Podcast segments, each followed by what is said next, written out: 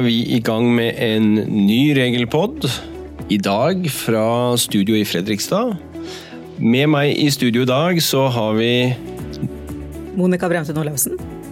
Ivar Grøndal. Og undertegnede Sven Ivar Lønneid. Vi har med oss eh, spennende tema i dag også. Et par tema iallfall, som vi skal innom. Det første vi tenkte vi skulle ta opp, det er dette her med fravær og sykepenger. Monica? Ja, for vi har jo fått nye regler på hvordan sykepenger skal beregnes i år. Det trådte jo i kraft 1.1. Og vi ser at det kommer jo varierte spørsmål inn på dette området her, men nå etter ferien så får vi jo veldig mye spørsmål om dette med lovlig fravær i beregningsperioden for sykepenger. Eh, for nå er det mange som har avvikla ferie, og ferie det er jo noe som regnes som lovlig fravær i beregningsreglene. Eh, og det som skjedde nytt da i 1.1, det var jo at man fikk plutselig en helt ny måte å beregne sykepengene på. Tidligere så var det forskjell om man hadde timelønn, om man hadde månedslønn, om man hadde varierende arbeidstid. Mens nå er det en felles hovedregel for alle gruppene, uavhengig av hva slags inntekt man har, og uavhengig av hva slags arbeidstid som arbeidstakeren har. Og den nye hovedregelen nå er jo at um, sykepengene det skal jo som før uh, fastsettes ut fra nærmere angitt beregningsperiode. Men nå er det på en måte denne beregningsperioden som har endret seg, og at man nå skal finne en aktuell gjennomsnittlig månedsinntekt. Og hovedregelen på beregningsregelen det er jo at den gjennomsnittlige eller aktuelle månedsinntekten den skal eh, fastsettes som hovedregel ut fra gjennomsnitt, gjennomsnittlig innrapportert inntekt til A-ordningen i de siste tre månedene før tidspunkt for arbeidsuførhet. Og det vil jo si at blir man sykemeldt f.eks. i september, så er det jo august, juli og juni som er siste tre måneder. Men man går jo på innrapportert inntekt i avmeldingen. Eh, altså den inntekten som skal være med i sykepengegrunnlaget, vel å merke. Og da er det slik at siste tre måneder, juni, juli, august, så er, ligger det veldig ofte ferieavvikling. Og i den ferieavviklingen så er det jo i utgangspunktet ikke lønn som er utbetalt, da er det jo feriepenger som skal kompensere for lønnsbortfallet i den perioden som er utbetalt. Og feriepenger inngår jo ikke i sykepengeunderlaget. Mm. Og det store spørsmålet blir jo da hvordan håndteres dette med beregning av sykepenger da, når det er en periode hvor det ikke ligger inntekt som beregnes med. Eh, og det er jo da løst i regelverket ved at lovlig fravær da, det skal håndteres på en eh, helt spesifikk eh, måte. Og det er en forskjell i forhold til de gamle reglene. fordi de reglene som gjaldt før 1.1 i år, da så man jo bort fra perioden med lovlig fravær. Man tok det helt ut av regnestykket. Det er ikke helt den måten det løses på lenger nå. Lovlig fravær uten lønn skal fortsatt ikke redusere sykepengeutlaget. Det er helt likt som før. Men det som skjer med lovlig fravær uten lønn i en beregningsperiode, f.eks. en ferieperiode, så skal det jo fastsettes en inntekt i fraværsperioden, og den inntekten skal tilsvare den inntekten vedkommende ville hatt hvis man ikke hadde vært borte fra arbeidet. Altså hva hadde man tjent hvis man ikke hadde hatt dette lovlige fraværet. Eh, og da må jo arbeidsgiverne stipulere en fiktiv inntekt her, eh, slik at sykepengelaget blir korrekt. Og Hvis ikke man gjør det, så vil jo det føre til en lavere sykepengeberegning enn hva den personen hadde fått hvis man ikke hadde hatt lovlig fravær. Mm. Lovlig fravær, Monica. Du nevnte ferie. Har du andre varianter på lovlig fravær? Ja, det, altså Ferie er jo ett eksempel. Eh, permisjon det er jo et annet veldig vanlig. F.eks. For foreldrepermisjon eller omsorgspermisjon. Eh, også permittering. Eh, vil telle som lovlig fravær uten lønn. Hva med ulovlig fravær, sånn som skoft og den type ting? Har man ulovlig fravær, så vil det redusere sykepengeutlaget. Så ligger det ulovlig fravær i beregningsperioden, så skal det ikke stipuleres opp noe inntekt på samme måte som ved lovlig fravær. Det er jo nettopp dette med forskjellen på at det er lovlig og ulovlig. Så det er jo en god grunn bak det. Mm. Jeg tenker at Hvis da sykepenger skal fastsettes på en sånn historisk inntekt, Eh, sånn som det for så vidt har vært i alle år. Men er ditt inntrykk at norske virksomheter på en måte beregner sykepenger på denne måten? Nei, og vi har jo kjørt eh, kurs på disse nye beregningsreglene for sykepenger. Ganske mange kurs på dette nå. Og vårt klare inntrykk er vel at nei, de fleste arbeidsgivere gjør ikke dette her i arbeidsgiverperioden. Altså Én ting er hva, man gjør når man sender inn tidligere inntektsopplysningsskjema til Nav, og nå den digitale inntektsmeldingen, og hva man på en måte beregner seg frem til her. Noe annet er jo hva arbeidsgivere gjør og har gjort når det gjelder utbetalinger i arbeidsgiverperioden. Eh, fordi denne regelen for beregning av sykepenger den gjelder jo også for hvordan arbeidsgiver skal beregne hva skal man utbetale i arbeidsgiverperioden når en arbeidstaker er syk eller arbeidsufør. Og Det gjelder jo både ved egenmeldinger og ved sykemelding. Så er det denne beregningsmetoden som skal benyttes. og Man skal finne en gjennomsnittlig månedsinntekt som brytes ned til en dagsats. Og den dagsatsen er det man i arbeidsgiverperioden skal utbetale på dager man ellers hadde utbetalt lønn. Så hva man hadde hatt inntekt hvis man ikke hadde vært syk, det, det, har ikke noe betydning. Men vi ser jo det at det er veldig mange arbeidsgivere som utbetaler i tråd med hva ville en arbeidstaker hatt hvis man ikke hadde blitt syk. Men det er ikke den måten sykepengereglene er bygd opp. For sykepengereglene er bygd opp eh, basert på historisk inntekt. En liten artig sak her. Du har vel kanskje noen tilfeller hvor du kan være hjemme en par-tre dager med egenmelding, og så skal du ha mer sykepenger enn du ville hatt hvis du hadde vært på jobb? Ja, det kan jo skje. Ja. Fordi altså, som jeg sier, at Sykepengene baserer seg på denne historiske inntekten, ikke hva du ville hatt. Så si en arbeidstaker som i én uke da blir sykemeldt. Eh, den uken så skulle man jobba én time på mandag, fem timer på tirsdag, åtte timer på onsdag, to timer på torsdag og kanskje tre timer på fredag. Hadde, og da under forutsetning at det er en timelønn arbeidstaker, hadde denne personen vært på jobb hver dag, så hadde det vært varierende inntekt fra dag til dag. Hvis denne personen da er syk hele uka, så må man jo da beregne sykepenger etter denne paragraf 828 i folketrygdloven. Finne ut en dagsats, og så er det denne dagsatsen man utbetaler per dag. Så da vil den jo være lik. Og i noen tilfeller så fører disse reglene til en overkompensasjon, andre tilfeller en underkompensasjon. Mm.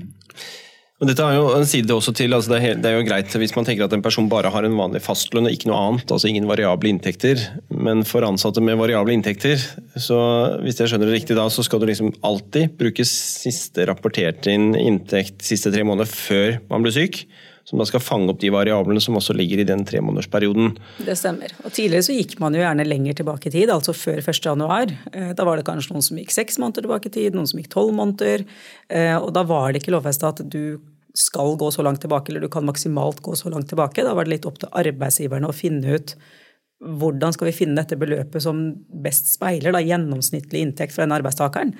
Men nå er det siste tre måneder. Og det vil jo mm. si at hvis siste tre måneder kanskje er en del i en tid på året hvor man har liten inntekt, så vil jo sykepengegrunnlaget også bli lavt. Um, hvis dette, disse tre månedene hvor man har høy inntekt, kanskje man har sesongsvingninger på arbeidet, så vil det kunne føre til et høyt sykepengegrunnlag. Mm. Og i arbeidsgiverperioden så må man jo strengt forholde seg til disse tre månedene, altså hovedregelen. Vi har unntak med korte arbeidsforhold og varige lønnsendringer som vi ikke skal snakke om nå, men det er unntak fra hovedregelen. Mm. Men altså dette med å ha varierende inntekter, det er ikke et unntak i seg selv.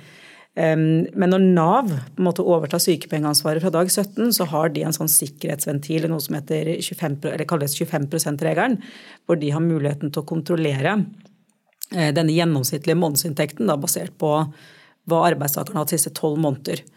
Eh, hvis avviket er på mer enn 25% så har de muligheten til å skjønnsmessig fastsette sykepengegrunnlag. Men det mm. gjelder altså kun fra det tidspunkt som Nav overtar. Eh, I arbeidsgiverperioden så må man forholde seg til hovedregelen på de siste tre måneder. Mm. Så man har en slags redning da, i forhold til Nav, men den gjelder kun for Nav, ikke for arbeidsgiver. Men den kan få betydning for arbeidsgivere ved hvis arbeidsgiver forskutterer eller refunderer. da, i så fall. Ja, så man må jo være oppmerksom på det. Hvis man er en arbeidsgiver som forskutterer, så er det jo veldig viktig å være oppmerksom på den regelen, for det kan jo få en betydning for hva man får i refusjon. refusjon ja. mm. Interessant. Dette er jo på en måte, Men jeg tenker dette har du sikkert tenkt å holde noe kurs i? Ja, vi har jo holdt ganske mange kurs i det. Og det neste kurset nå er jo 11. november i Oslo. Og vi har sett at det har vært ganske stor interesse for disse kursene, så det er bare å melde seg på. Da håper vi ser mange av dere der som ønsker å fordype seg litt i dette med beregning av sykepenger. Praktiske regler, altså. Da forlater vi sykdom, og så tenkte vi kunne gå over til noe en kanskje hyggeligere type fravær, nemlig ferie, Ivar. Du har med deg et eh, tema som går på ferie og feriedager når en eh, ansatt slutter. Hva skjer da?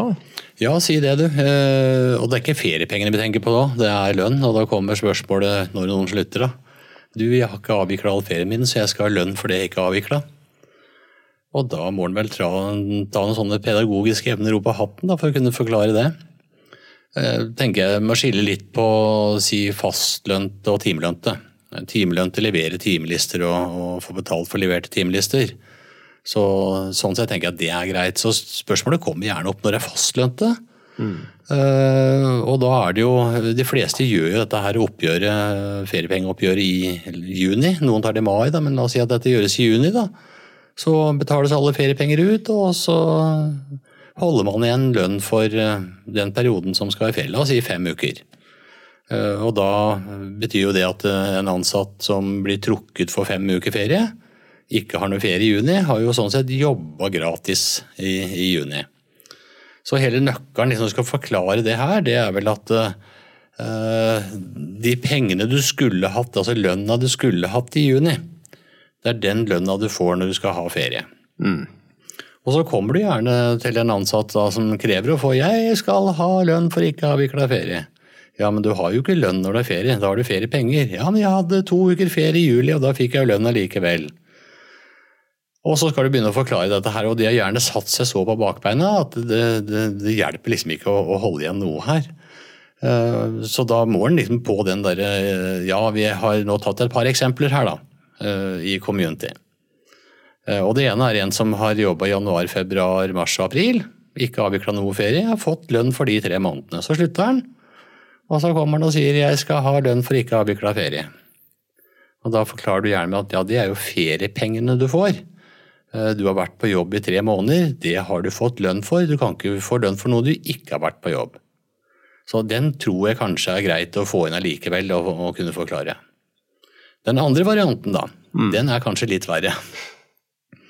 Så siden feriepengeoppgjøret da er gjort i juni, og som vi sa, da har en ansatt jobba gratis, gratis, i juni, eh, og at man da har utbetalt eh, lønna man skulle hatt i juni, det får man når man har ferie. Det er jo hele nøkkelen. Og så har du en som sier opp nå midten av september, da. Eller i hvert fall slutter, og så er det tre uker ferie som ikke er avvikla, og så får han sluttoppgjøret sitt, og så mangler liksom tre ukers eh, lønn på slippen. Og tenker jeg, har han, har han rett i det? Uh, ja, da må vi se hva skjedde i juni. Hva hvis vedkommende blir trukket for fem uker i lønn i juni, har avvikla bare to uker, så har han jo igjen tre ukers lønn til gode, som han skal ha med i sluttoppgjøret. Men da tenker jeg det er viktig å forklare at eh, det er jo ikke lønn for ikke å avvikle ferie. Nei, det er lønn for det du faktisk har vært på jobb. Og det var jo i juni du var på jobb, men du fikk ikke noe lønn. Så det er nå du får den lønna. Om det er en veldig god pedagogisk måte å forklare det på, det veit jeg ikke. Hva tenker du om det, Svein Ivar? Jeg syns du er flink på dette, altså. Men eh, det er jo et tema som går igjen år etter år etter år, og det er ikke så veldig rart. fordi dette med både feriepenger og lønn er jo en issue. Og når vi skiller på timelønte som får begge deler i juni, da, mm. og som ikke har noe til gode, og månedslønte som gjerne blir trukket i lønn for feriedagene, og som da sitter igjen med, med det som ble trukket i juni, som man har til gode og skal utbetalt også når man slutter, da, hvis mm. man har feriedager til gode. Det er jo akkurat som du sier, men det, å skjønne dette her hver gang kan jo være en utfordring. Så det er hele nøkkelen, tenker jeg. Det du skulle hatt i juni, altså se tilbake igjen på når feriepengeoppgjøret ble gjort. Hva skulle du da utbetalt? Og det er jo det den ansatte har til gode. Og hvis all ferien er avvikla, eh, så har jo trekket i juni vært korrekt. Eh, hvis ikke all ferien er avvikla, så har han igjen noe av det oppgjøret som ble gjort i juni. Mm. Og det må man jo få utbetalt når man slutter. Ikke sant. Ja. Jeg syns det var en god oppsummering. Ja, ja det var ikke så verst. Akkurat det spørsmålet der, Ivar. Men du, vi har jo også, når vi er inne på å snakke om at noen som eh, slutter og sluttoppgjør osv., Og, så kan det jo ha litt betydning om man da får utbetalt feriepengene når man slutter. Eh, noen vil gjerne ha det neste år.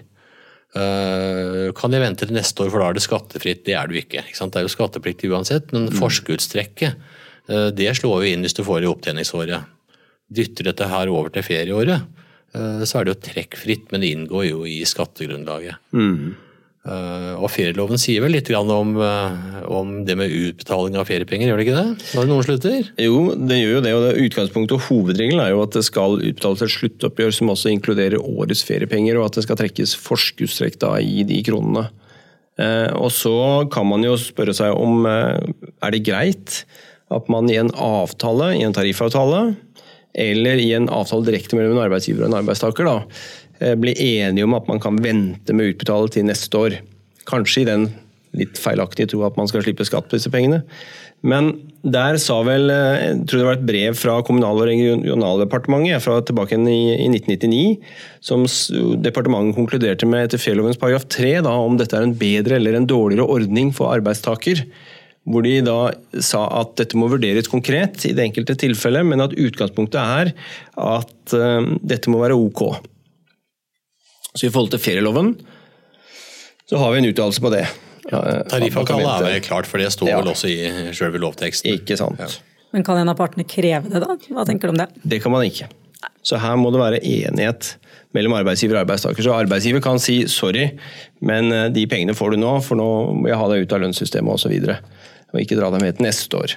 Det er kanskje litt greit for arbeidsgiver ja. å vite, for det er veldig mange som tror det. At hvis man en arbeidstaker f.eks. fremsetter et krav om det, så er man forplikta til å følge den, det kravet. Ja. Det er man jo da ikke. Det er man ikke. Helt riktig. Vi tar med en ting til her også, for Skattedirektoratet har jo vært på banen akkurat når det gjelder det her. Ja. Eh, og da sier du at i de tilfeller hvor enten det er tariffavtale eller at man har gjort avtale om å si, utskyte feriepenger, er ikke det man kaller det, mm, til, mm. til ferieåret, så følger det kontantprinsippet. Altså beregning av arbeidsgiveravgift gjelder når feriepengene utbetales. Også i de tilfellene hvor det flyttes over til neste år, selv om en ansatt har slutta. Mm. Så det er, det er, mulig. Det er det vi sier nå, mm. så lenge man er enig om det. Så da vet vi det. Det er bra. Ja, Så bra. Um, nå skal vi jo snakke for de av dere som vil uh, kanskje fordype dere mer i både fravær og beregning av sykepenger og, og for så vidt ferie, og kanskje etter ferie ved årets slutt og hva skjer med feriedager osv., så, videre, så skal vi ut på veien i hele høst og underholde bl.a. om disse temaene eh, i det som kalles lønnsforum. Så det er vel nesten så å si hele Norge, tror jeg vi skal ut og besøke. Det er ganske mange byer. Yes, Vi reiser vel egentlig Norge rundt, kan vi vel si. Ja. Så gå inn og sjekk om vi er i en by i nærheten av deg. For uh, som du sier, det er jo nyheter, men det er jo også hva gjør vi våre til slutt? Uh, ofte stilte spørsmål for å gjøre deg best mulig rusta til neste år. Og det som er så bra, at her har du teori på dag én. Og så har du system enten på Visma-lønn eller Hurtigruten på dag to. Uh, og så kan du velge om du vil ha med både teori og system, eller om du vil velge bare det ene eller det andre. Så genialt. Supert. Måte å oppdatere seg på. Gå inn og titt på www.visma.no slash kurs. Der finner dere mulighet til å lese mer om disse lønnsforumdagene. Og med det så da sier vi Ønsker vi god helg, da. Det gjør vi. Ja.